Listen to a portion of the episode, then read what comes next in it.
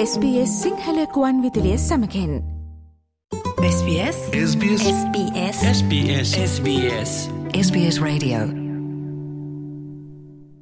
පසුගිය දෙදස් විසිතුන වසර පෘතුවයෙහි මෙතෙක් වාර්තා වූ උණුසුම්ම වසර බවට පත්වී තිබෙනවා.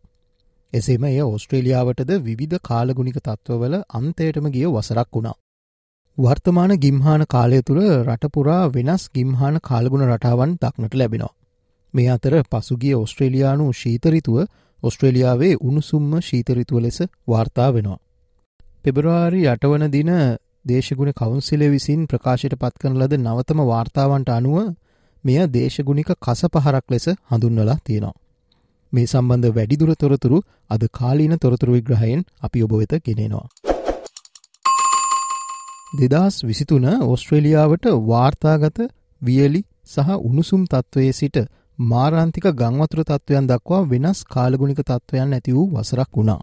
කාලගුණ විද්‍යා කාර්යංශයේ නව වාර්තාවට අනුව ඒ ඔස්ට්‍රේලියාවේ වාර්තාගත අටවෙනි උණුසුම්ම වසර බව තහවුරු වෙලා තියෙනවා.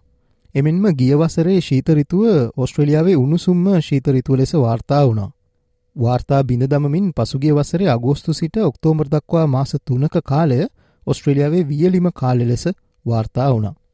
නමුත් ගිම්හාන උණුසුම සහ ලැවගිනි පිළිබඳ කරලද අනාවැකි ඒ ආකාරයෙන්ම සිදුවෙලා නැහැ. රටපුරා ඉතා වියලි කාලගුණ තත්ත්වයක් නිර්මාණය වෙලා තියෙනවා. කෙසෙව්වත් උතුරු පලාතේ සහ නැගෙනහිර වෙරලතීරේ වැඩි වශයෙන් තෙතමනය සහිත කාලගුණ තත්ත්වයක් දකින්න ලැබුණු බව කාලගුණ විද්‍යා කාර්යංශයේ ඩේවිඩ් ගුඩින් පවසා සිටිනවා. Australia's climate was very much influenced by what we call the Indian Ocean Dipole. It was, it was in a positive mode, and also El Nino. And we developed a, a, an environment where conditions across much of the country was very warm and very dry. We did see more uh, wet conditions, particularly in the north and along the east coast. කාලගුණ තත්ත්වයන් සලකා බැලීමේදී ක්වීන්ස්ලන්තය නිව south වේල් සහ වික්ටෝරයාහි වාර්තාගත වර්ෂාපතනයක් දක්නට ලැබුණා. මේ අතර දරුණු ලැවගිනි නිසා ක්වීන්ස්ලන්ත ප්‍රාන්තයේ නිවාස විශාල ප්‍රමාණයක් විනාශ වූ අතර එය දෙදස් දහනමය විස්ස අඳුරු ගිම්හානය නැතිනම් බ්ලක් සම කාලය තුළ විනාශ වූ නිවාස ප්‍රමාණයටත් වඩා වැඩියගයක් වෙනවා. වික්ටෝරිය ප්‍රාන්තයේ ගිප්ස්ලන් ප්‍රදේශයේ මුලදි ලැවගිනි තත්ත්වයක් ඇති වුණත් පසුව අධික වර්ෂාපතනයක් සහ හදිසි ගංවතුර ගැලීම් තත්ත්වයක්ද ඇති වුණා. ඒවගේම දකුණු ස්ට්‍රේලියාව ටස්මේනියාව සහ වික්ටෝරයා ප්‍රාන්තයටද වාර්තාගත වර්ෂාපතනයක් ලැබී තිබෙනවා. ඒවගේම බටහිර ඔස්ට්‍රේලියාව එහි උණුසුම්ම සැප්තැම්බර් මාසය වාර්තා කරලා තියෙනවා. විශාල ලැවගිනි හේතුවෙන් පර්ත්තවට නිවාස මේ වන විට තුන්වතාවක්ම ගිනිගැනීමේ තර්ජනයට ලක්වෙලා.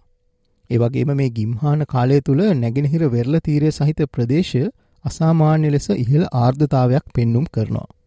කලයිමේට් කවන්සිල්හි පර්යේෂණ අධ්‍යක්ෂක වන ආචාර සයිමන් බ්‍රඩ්ෂෝ පවසන්නේ මෙම කාලගුණ රටාවලින් ඉගෙන ගැනීමට බොහෝ දේ ඇති බවයි. The lesson from this summer really is that things are becoming more chaotic and unpredictable and harder to foresee. So we've really got to take that message of urgency when it comes to looking after our communities and tackling the climate crisis. Climate justice is what we need, not fossil fuels and corporate greed. Climate justice is what we need, not fossil fuels and corporate greed.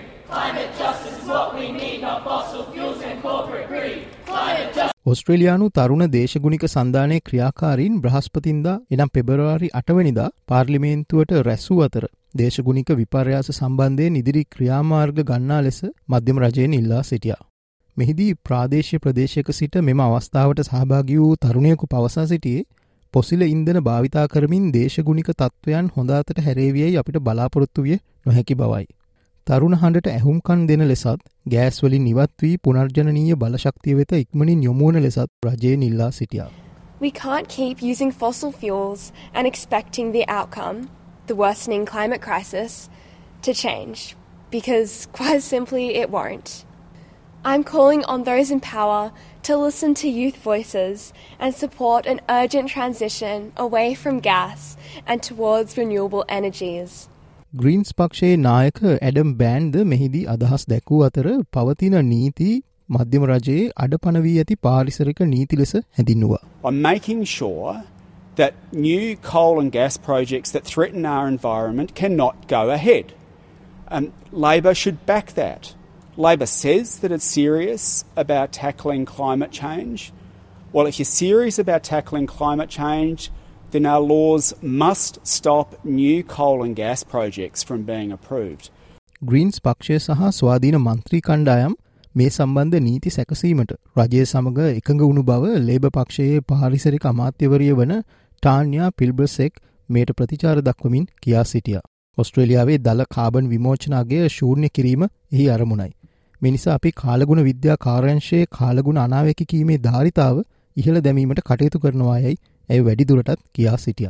The Greens political party and the, the crossbench negotiated with the government a safeguard mechanism. The safeguard mechanism is the legislation that ensures that Australia gets to net zero. It's why, for example, we are investing in upgrading um, the, the predictive capacity of the Bureau of Meteorology because we know that the weather uh, we're dealing with is becoming increasingly uncertain. මේ අතර කාලගුණ විද්‍යා කාරංශයේ David ගුඩින් පවසන්නේ පවතින අසාමාන්‍ය කාලගුණ තත්ත්වයේ දරුණුතම අවධිය තවමත් අවසන් වී නොමැති බවයි. So, what we expect in at least the three months ahead is um, probably wetter than average over the north and northeastern of Australia, but probably equal chances of being wet or dry for much of the rest of Australia. ඕස්ට්‍රේලියාවේ නවතම ප්‍රවෘත්ති සහ කාලින තොරතුරු රැගත් අපගේ ගුවන් විදුලි විශේෂංගවලට පසුව සවන් දෙන්න www.sbs.com.au සිංහල යන අපගේ වෙබ් අඩවයේ පහලින් නැති කාලීන ලෙස නම් කොට තිබෙන වෙබ් පිටුවට පිවිසන්න. SBS SBS SBS SBS SBS SBS Radio මේ වගේ තවත්තොරතුරු දැනගන්න කැමතිද. එහමනම් Apple podcast Google podcast Spotify ඔබගේ පොඩ්කාස්ට ලබාගන්න ඕනෑම මාතයකින් අපට සවන්දය හැකේ.